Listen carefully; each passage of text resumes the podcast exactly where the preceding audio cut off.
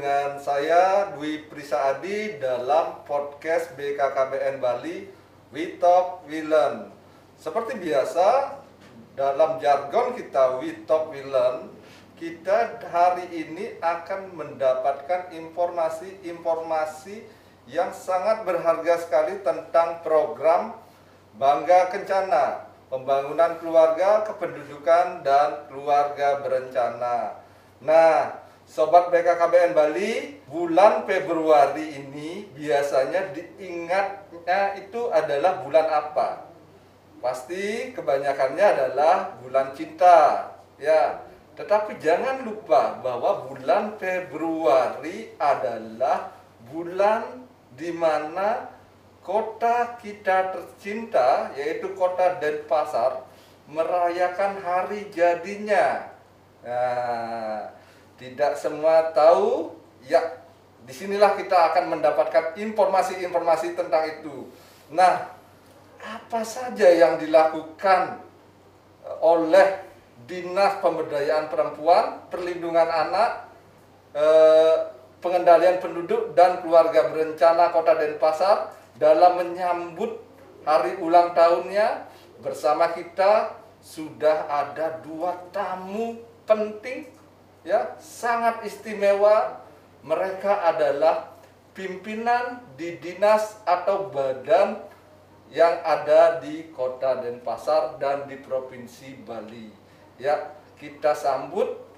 Tamu kita yang pertama adalah Ibu Dr. Anda I Gusti Agung Sri Wetrawati MSI Beliau adalah selaku PLT Kepala Dinas pemberdayaan perempuan, perlindungan anak, pengendalian penduduk, dan keluarga berencana di kota Denpasar. Selamat eh, siang Ibu. Selamat siang. Om Swastiastu. Swastiastu. Ya, bagaimana kabarnya Bu? Sehat? Masih berolahraga, jogging? Selalu. Selalu untuk menjaga luar biasa sekali untuk menjaga kondisi tubuh di era pandemi beliau tetap berolahraga, selalu berolahraga. Ya, kita ketemu kita yang kedua. Ya, beliau adalah pimpinan perwakilan BKKBN Provinsi Bali. Nama beliau adalah Dr. Andus Agus Putro Proklamasi MM. Ya, Selamat siang Bapak. Selamat siang. Wassalamualaikum warahmatullahi wabarakatuh. Waalaikumsalam. Om Swastiastu. Om Swastiastu. Ih. Ya. Ya, ya. gimana Pak? Keadaannya sehat? Astungkara sehat. Selalu always. Always sehat ya. Kegiatan kita itu banyak, Ya. maka sempatkan untuk melakukan olahraga. Betul. Olah rasa ini semua untuk bisa menguatkan diri kita di masa pandemi COVID-19. Baik. Eh, baik, eh, saya langsung saja sudah ingin menanyakan eh, kepada kedua bintang tamu kita ini tentang perayaan HUT Kota Denpasar. Yang pertama saya ke Ibu Bugong dulu. Bugong, eh, bagaimana perayaan HUT Kota Denpasar eh, di tahun 2021 ini karena biasanya kan itu dirayakan ada eh, gebiar-gebiar pelayanan seperti itu terus eh, diakhiri dengan eh, pentas budaya biasanya. Nah sekarang kan pandemi bu. Nah bagaimana perayaannya di Kota Denpasar? Silakan ibu. Oke. Eh, sel- selamat siang, Selamat Bapak siang. Kepala Perwakilan BKKBN Provinsi Bali dan juga selamat siang untuk semua warga Kota Denpasar. Eh, pada siang hari ini pertama-tama kami ucapkan terima kasih Pak dalam rangka HUT Kota Denpasar kita dikasih kesempatan di sini untuk mensosialisasikan eh, kegiatan kita yang terkait dengan HUT Kota Denpasar. Tadi disampaikan oleh eh, host nggih Kak Dwi bahwa eh, situasinya pandemi seperti ini tapi semangat HUT tetap harus kita apa istilahnya nggih, harus kita eh, tetap semangat seperti itu Hmm. karena kegiatan-kegiatan kita mungkin terkait dengan eh, di- dirangkaikan dengan HUT Kota Denpasar dalam situasi pandemi seperti ini tetap kita laksanakan. Kita ada beberapa eh, berbagai kegiatan untuk serangkaian dengan HUT Kota Denpasar di mana kegiatan itu semua kita lakukan secara daring nggih. kita ada di eh, Instagram kita juga mungkin kita juga informasikan kita ada namanya pusat pembelajaran keluarga jadi setiap dua bulan sekali kita juga melakukan apa istilahnya sharing di Instagram Eh, salah satunya program yang terkait dengan eh, Bangga Kencana yaitu pencegahan usia dini, eh, pencegahan perkawinan usia Usia dini. Itu juga kita lakukan, ada dialog interaktif seperti itu. Jadi terkait dengan HUT Kota dan Pasar, mungkin kita juga mau sampaikan sedikit tema HUT Kota dan Pasar kita yang ke-233 eh, adalah kebahagiaan adalah tanggung jawab kita bersama. Mungkin ini sangat relevan Ya. Pak Nggih, karena eh, apa dalam situasi pandemi Covid seperti ini sebenarnya eh, memang sih secara pribadi kebahagiaan itu adalah tanggung jawab kita secara pribadi secara individu. Tetapi dalam situasi seperti ini ayo semua gitu semua. Jadi semua warga kota Denpasar menjadi tanggung jawab kita semua untuk apa dalam situasi seperti ini kita juga masih bisa merasakan kebahagiaan itu gitu. Nah, untuk eh, adapun mungkin apa program kegiatan kita, kita ada salah satu kegiatan yang kita laksanakan adalah eh, apa pelayanan KB gratis. Pelayanan kami gratis. Ya, dalam rangkaian HUT Kota Denpasar. dalam rangkaian Food Kota. Baik Ibu, Eh, nah ini tadi Ibu mengatakan bahwa ada pelayanan KB gratis eh, untuk eh, menyambut HUT Kota Denpasar. Nah ini bagaimana pelaksanaannya Bu? Kira-kira teknis pelaksanaannya itu bagaimana? Ya, eh, biasanya sih kita juga mobile ya, kata Hmm. kita biasanya melakukan pelayanan eh, di lapangan seperti itu, tapi melihat situasi pandemi seperti ini, mungkin kita lebih ke eh, kita bekerja sama dengan IDI, kata Hmm. Bidan ya. Bidan, Jadi ya. kita nanti eh, untuk eh, pelayanan ini kita eh, pusatkan ada 8 titik sebenarnya ada Hmm. 8 ya nanti eh, bidang praktek mandiri yang kita ajak kerjasama Hmm. itu tersebar di empat kecamatan di Kota Denpasar. Oh Ya, ya. Jadi eh, teman-teman lah eh, teman-teman lini lapangan nanti mencari absentor nanti kalau emang sudah ada nanti bisa dirujuk ini loh tempat-tempat pelayanan yang udah kita siapkan. Tapi Untuk tetap dengan prokes prokes ya. kesehatan. itu, Jadi ya, jangan itu yang jangan takut kan seperti itu Bung ya. Iya, iya. ya. Karena em, pada saat dilakukan pelayanan mereka sudah siap dengan APD dan dengan sebagainya. APD waktunya pun mungkin nanti akan diatur. Akan diatur, ya. Betul, ya agar tidak terjadi kerumunan. Nah, eh, untuk pelayanan KB ini apakah ada target tertentu yang harus dicapai, Bu?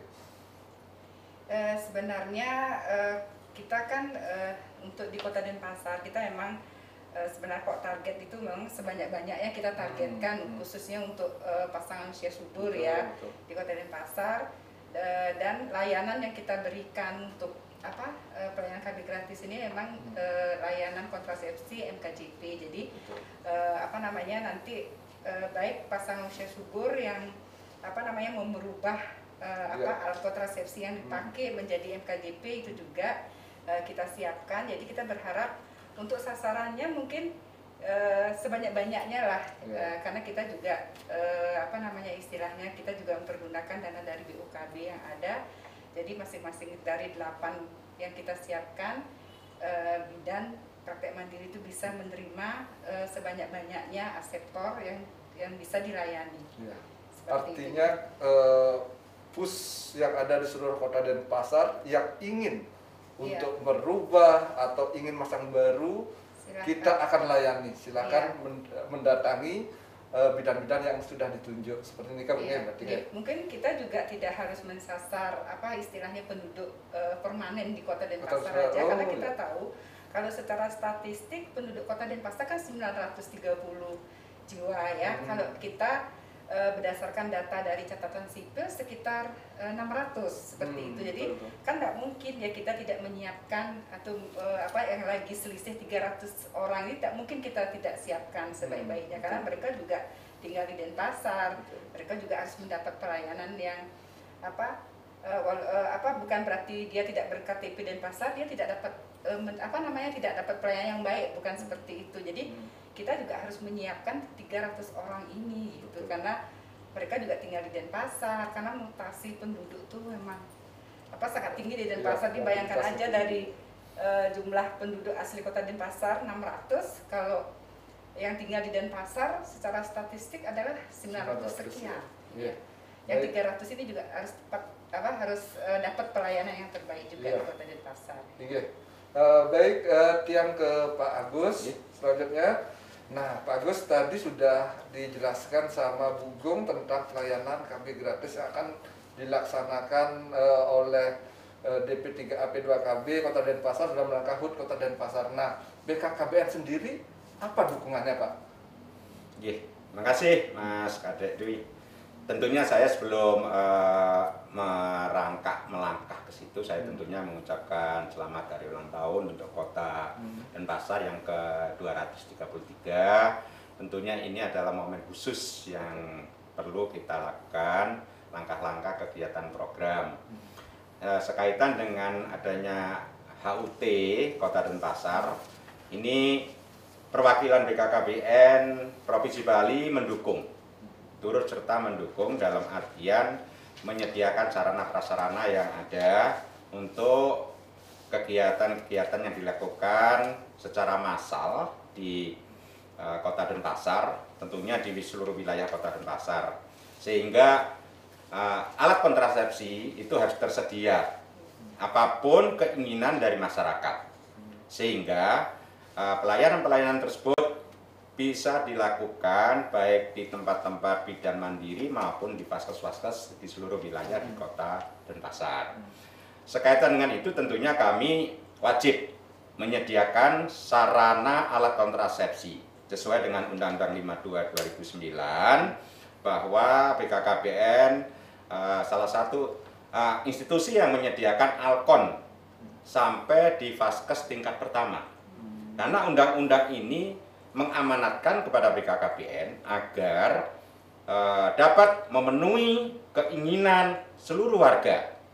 Tentunya tadi kalau mengatakan jumlah penduduk hanya 600 ribu jiwa di kota Denpasar. Realnya hampir 900, hampir 1 juta lah itu.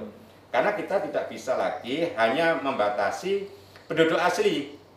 Karena pendatang pun kalau dia sudah waktunya menggunakan ganti cara maupun pasang baru harus dilayani. Karena ini adalah hak. Sehingga BKKBN tentunya uh, memberikan kelebihan-kelebihan kekurangan itu harus bisa terpenuhi. Karena semuanya harus kita lakukan. Jangan sampai masyarakat itu kembali tidak bisa terlayani keinginannya untuk berKB. Maka ketersediaan alat kontrasepsi dengan pendukungnya harus terpenuhi. Karena masyarakat ini tidak terpisah-pisah. Mereka masyarakat Indonesia bertempat tinggal di daerah tersebut sehingga pelayanan alat kontrasepsi harus di- diberikan dengan keinginan calon pasangan usia subur kemudian juga calon aset terbaru apa pun yang diinginkan maka perlu kita lakukan ketersediaan sarana prasarana yang ada. Berkaitan dengan anggaran tentunya sudah diperhitungkan. Berapa sih eh, kesertaan berKP-nya kemudian dihitung kurang lebih sekitar 300 kalau 300 itu jumlah penduduk. Kalau suami istri berarti hanya 150 atau mungkin bahkan lebih. Karena orang ibu kota provinsi seperti Denpasar ini eh, mobilitas penduduknya sangat eh, tinggi. Betul. mungkin 2-3 bulan dia sudah pergi kemudian datang lagi. Nah ini yang yang dapat eh, kita sampaikan bahwa di seluruh wilayah di provinsi Bali eh, pelayanan KB ini harus tersedia melebihi dari jumlah yang eh, telah direncanakan Oh, gitu. untuk mengantisipasi masyarakat-masyarakat pendatang yang dalam kapasitas ini maka perlu datang hadir berkunjung kepada vaskes tentunya puskesmas kemudian di rumah sakit kemudian juga eh, pada pelayanan-pelayanan bidan mandiri di seluruh wilayah. Tidak tanpa terkecuali. Bahkan kalau memang sangat perlu mungkin ada penjemputan. Iya. Nah ini perlu karena eh, ketersediaan kendaraan angkut asetor ini juga ada. Karena sudah masing-masing kabupaten kota itu mempunyai. Sehingga ini ini eh, mendekatkan.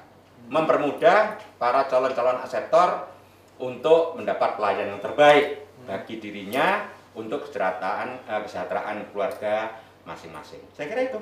Eh, baik Pak, Eh, tadi juga apa ini kan dalam pelayanan ini yang akan banyak dilayani itu kan yang MKJP ya, Pak? Iya, Yang benar, namanya iya. IUD dan implan gitu ya.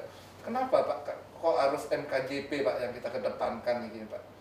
Jadi begini, semua sektor eh, alat kontrasepsi baik sebenarnya. Betul, betul. Jadi tergantung keinginan dari masyarakat. Namun eh, BKKBN bersama seluruh petugas lapangan KB yang ada, penyuluh KB, jajaran-jajaran eh, dinas-dinas OPDKB di seluruh Indonesia tentunya, terutama di Bali, itu kita berikan kesempatan bagi mereka semuanya. Karena kenapa? Perbandingan kalau kita menggunakan alat kontrasepsi non NKJP, biaya kosnya tinggi. Contohnya dapat contoh katakan, dia menggunakan pil. Pil satu set itu berapa? Kemudian dia kalau menggunakan MKJP, katakan IUD, katakan uh, menggunakan implan atau bahkan MOP atau MOP. Ini dia sampai sepanjang uh, masanya dia sudah tidak perlu ganti. Mungkin perlu uh, suntik, suntik juga masih biaya tinggi, ya. Namun hal ini uh, kita serahkan kepada masyarakat karena kafetaria alat kontrasepsi yang ada itu tersedia. Keinginannya apa? Mau ganti cara ke MK, tetapi kami menyarankan uh, seyogianya lebih me- apa ya? uh, bridgingnya itu bisa dengan alat kontrasepsi yang jangka panjang itu jumlah pengeluarannya bisa diperkecil karena penggunaannya bisa tiga tahun lima tahun bandingkan dengan katakan kalau pil itu kalau nggak salah satu kaplet itu 15.000 mungkin ya. 15.000 ribu kalikan 12 sudah berapa? Sedangkan kalau menggunakan implan mungkin biayanya eh, sudah sudah ada BPJS kemudian juga ini. Ini bisa digunakan sampai lima tahun. Dia eh, apa ya menyediakan saving bagi keluarganya agar pengeluaran itu tidak dilakukan setiap bulan. Nah ini. Hal-hal inilah yang menjadikan agar keluarganya sejahtera kemudian ketersediaan sarana alat kontak sudah ada, jadi dia tinggal datang. Ini tentunya semua kami eh, selalu menyediakan permintaan dari kabupaten kota. Itu jangan sampai paling lambat, paling lambat itu dua kali 24 jam sudah terpenuhi. Tergantung wilayah. Karena Al Alkon itu paling tidak di masing-masing kabupaten itu punya stok ada yang eh, untuk dua bulan, tiga bulan, empat bulan. Masing-masing alat kontrasepsi itu ada ada ukurannya. Jadi jangan sampai habis eh, di tempatnya Vaskes maupun di bidan eh, mandiri, orang datang, aduh kami nggak punya al- alat kontrasepsinya, itu membuat kecewa. Ini bisa dituntut, bisa dituntut. Apa yang dituntut? Ketersediaan Alkon ini tanggung jawab BKKBN sampai dengan jajaran di bawahnya. Nah ini, jadi saya berharap para eh, pemerhati podcast ini kami bisa menyampaikan, meneruskan apa informasi ini kepada masyarakat di lingkungannya yang sempat melihat eh, acara ini sehingga bisa menginformasikan.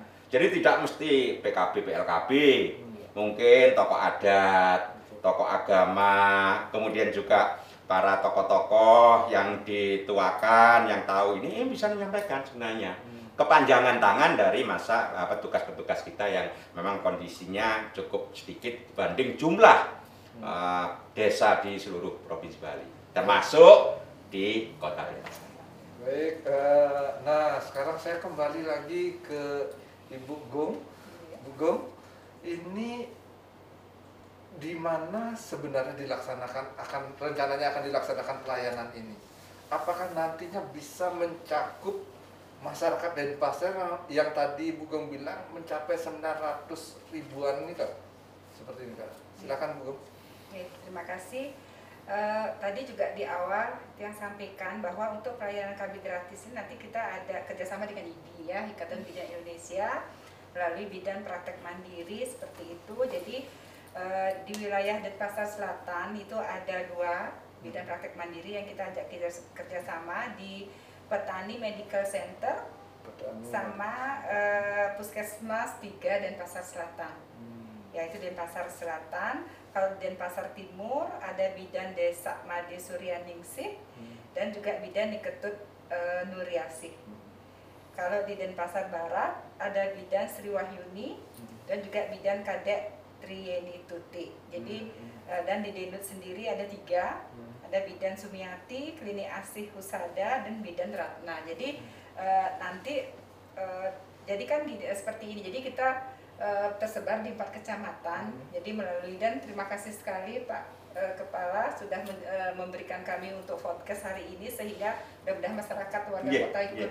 bisa eh, memperhatikan. memperhatikan. Jadi mereka tahu ada pelayanan KB gratis seperti itu dan kita juga akan sosialisasikan di masing-masing desa kelurahan melalui kepala lingkungan dan juga melalui provider saya kader dan sebagainya untuk menginformasikan bahwa dalam rangka HUT kota kita ada pelayanan KB gratis dan eh, di, di apa namanya di empat kecamatan ini ada delapan eh, praktek bidan mandiri yang kita ajak kerjasama. Dan tentunya sesuai yang disampaikan oleh bapak tadi bahwa kita juga bisa menjemput nih menjemput aseptor karena kita tahu pak jadi sebenarnya sepeda motor yang dimiliki oleh petugas Dimanfaatkan itu, salah satunya iya. adalah untuk menjemput aseptor sebenarnya. Ya jadi mereka sudah dikasihkan sarana eh, untuk menunjang kegiatan pelayanan KBI jadi eh, seperti tadi masalah alkon tidak masalah karena BKKBN Provinsi Bali sudah mendropping ke kami seperti itu. Jadi tinggal nanti kita mendistribusikan ke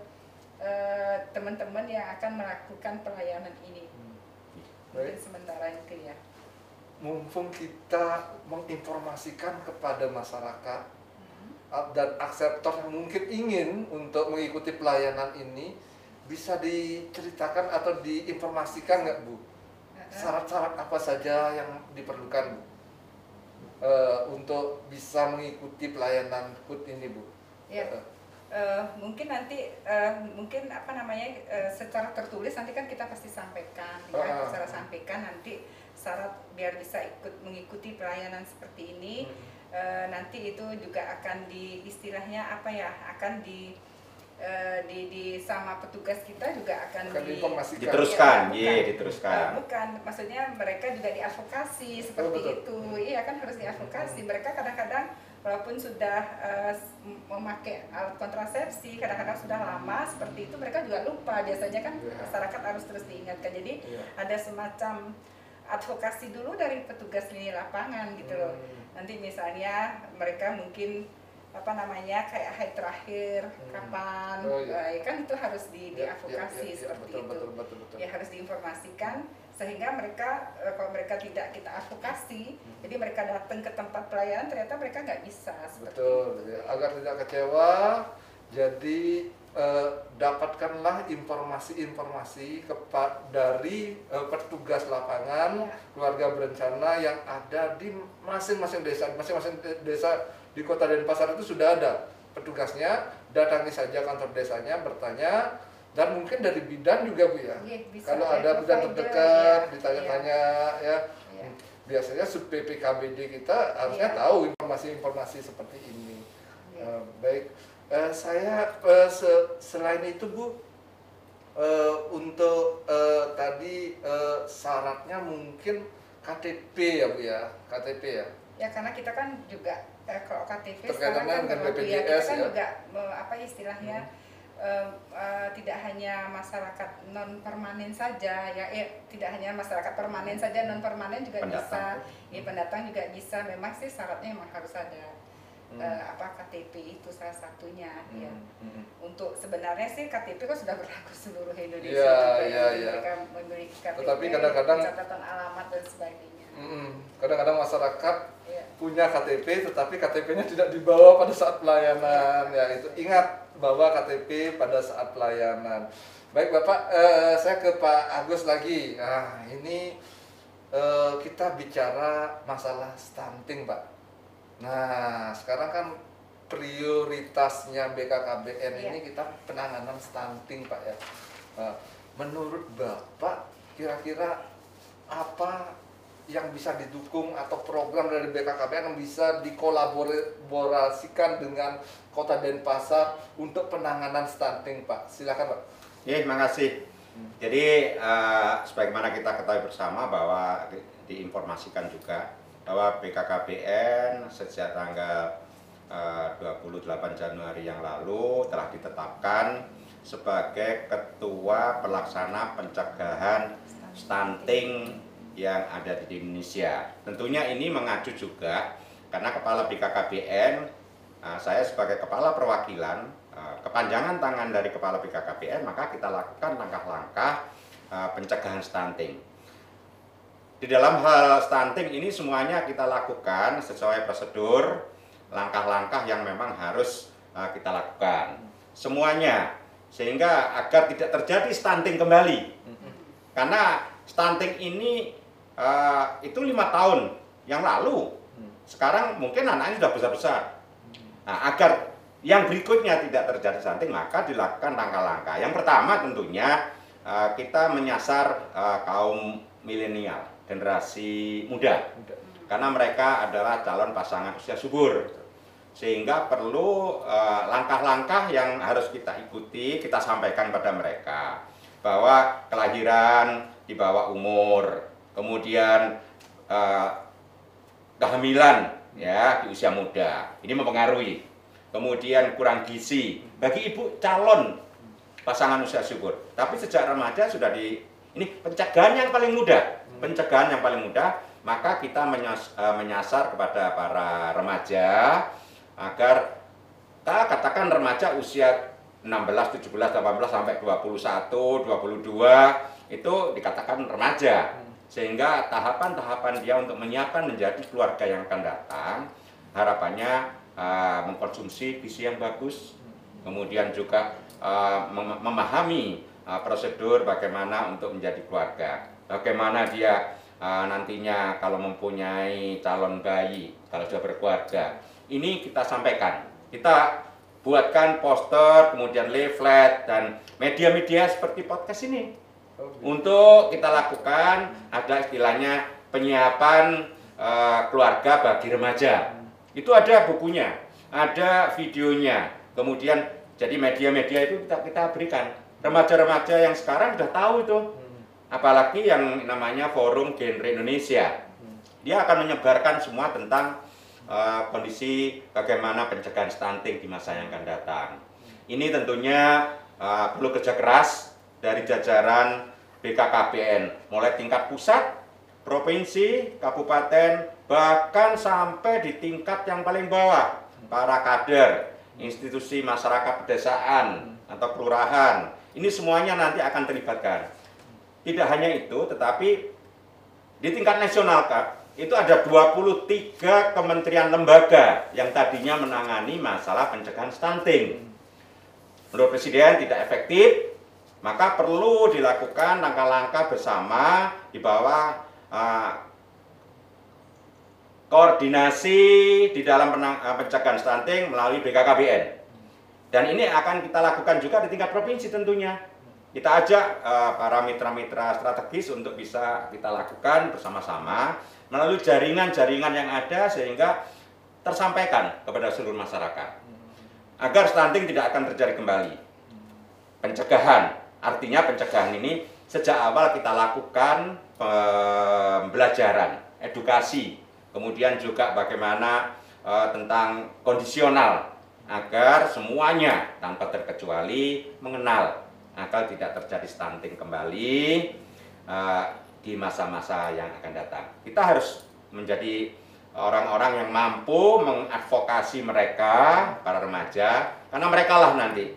Kalau enggak, Indonesia eh, generasi mudanya akan terjadi stunting kembali. Maka para remaja-remaja sekarang, pas calon pasangan usia subur sudah diadvokasi sejak dini bersama-sama dengan mitra eh, strategis, termasuk dengan tentunya jangan lupa para forum genre remaja, genre generasi berencana para remaja kita dari berbagai mulai yang baik di masyarakat maupun di sekolah perguruan tinggi dunia pendidikan masyarakat ini semuanya harus kita kenalkan maka kerja keras bagi seluruh teman-teman tanpa terkecuali di lapangan untuk bisa mencegah karena dari 37% sudah tercapai eh, 24 pada saat 2019.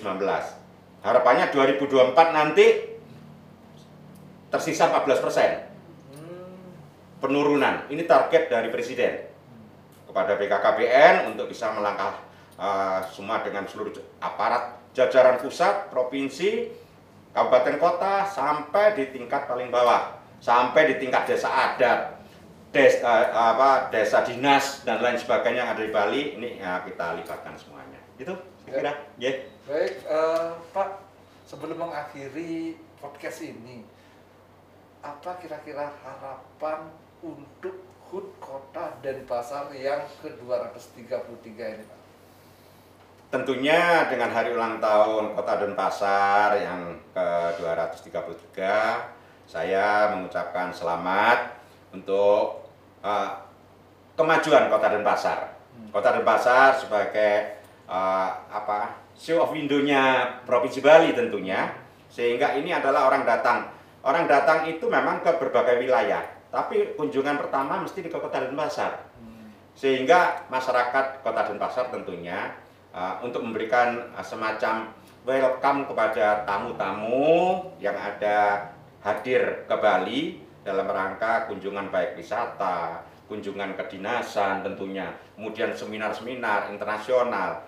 Namun dengan adanya pandemi COVID-19 ini tentunya kita tidak se uh, tidak adanya pandemi. Kita mengalami hal itu. Tapi ini semuanya adalah kemampuan kita untuk bisa melakukan langkah-langkah melaksanakan kehidupan kita sehari-hari dengan kebiasaan tentunya menggunakan eh, masker, kemudian cuci tangan, jaga jarak ini selalu harus kita ingatkan. Siapa pun tanpa kecuali kita tidak tahu bagaimana.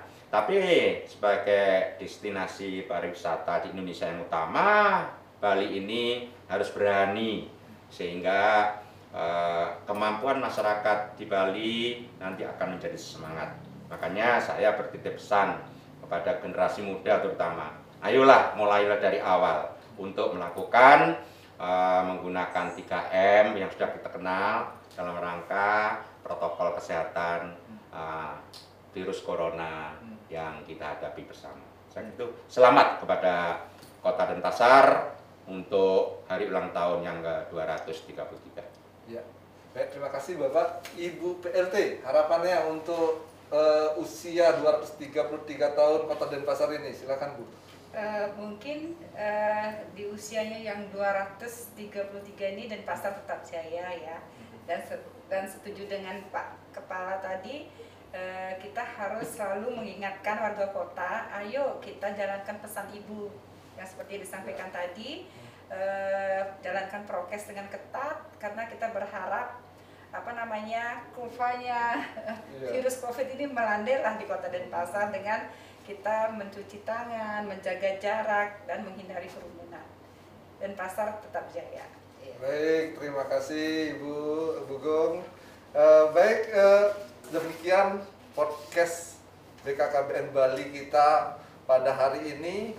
Informasi-informasi tentang perayaan HUT Kota tadi sudah disampaikan oleh Bapak Agus dan Bu Gong. Eh, dan pesan terakhirnya yang tidak boleh kita lupakan 3M memakai masker, mencuci tangan dan menjaga jarak itu harus tetap kita ingat dan kita lakukan ya jangan lupa ingat like share subscribe ya media-media sosial BKKBN Bali karena di sanalah kita akan mendapatkan informasi-informasi yang berguna dan berharga untuk kehidupan kita dan keluarga kita. Terima kasih, saya akhiri dengan para Santi. Om Santi, Santi, Santi, Om. Wassalamualaikum warahmatullahi wabarakatuh. Waalaikumsalam. Salam sejahtera buat kita semua. Salam BKKBN. Berencana Karena itu itu keren. keren.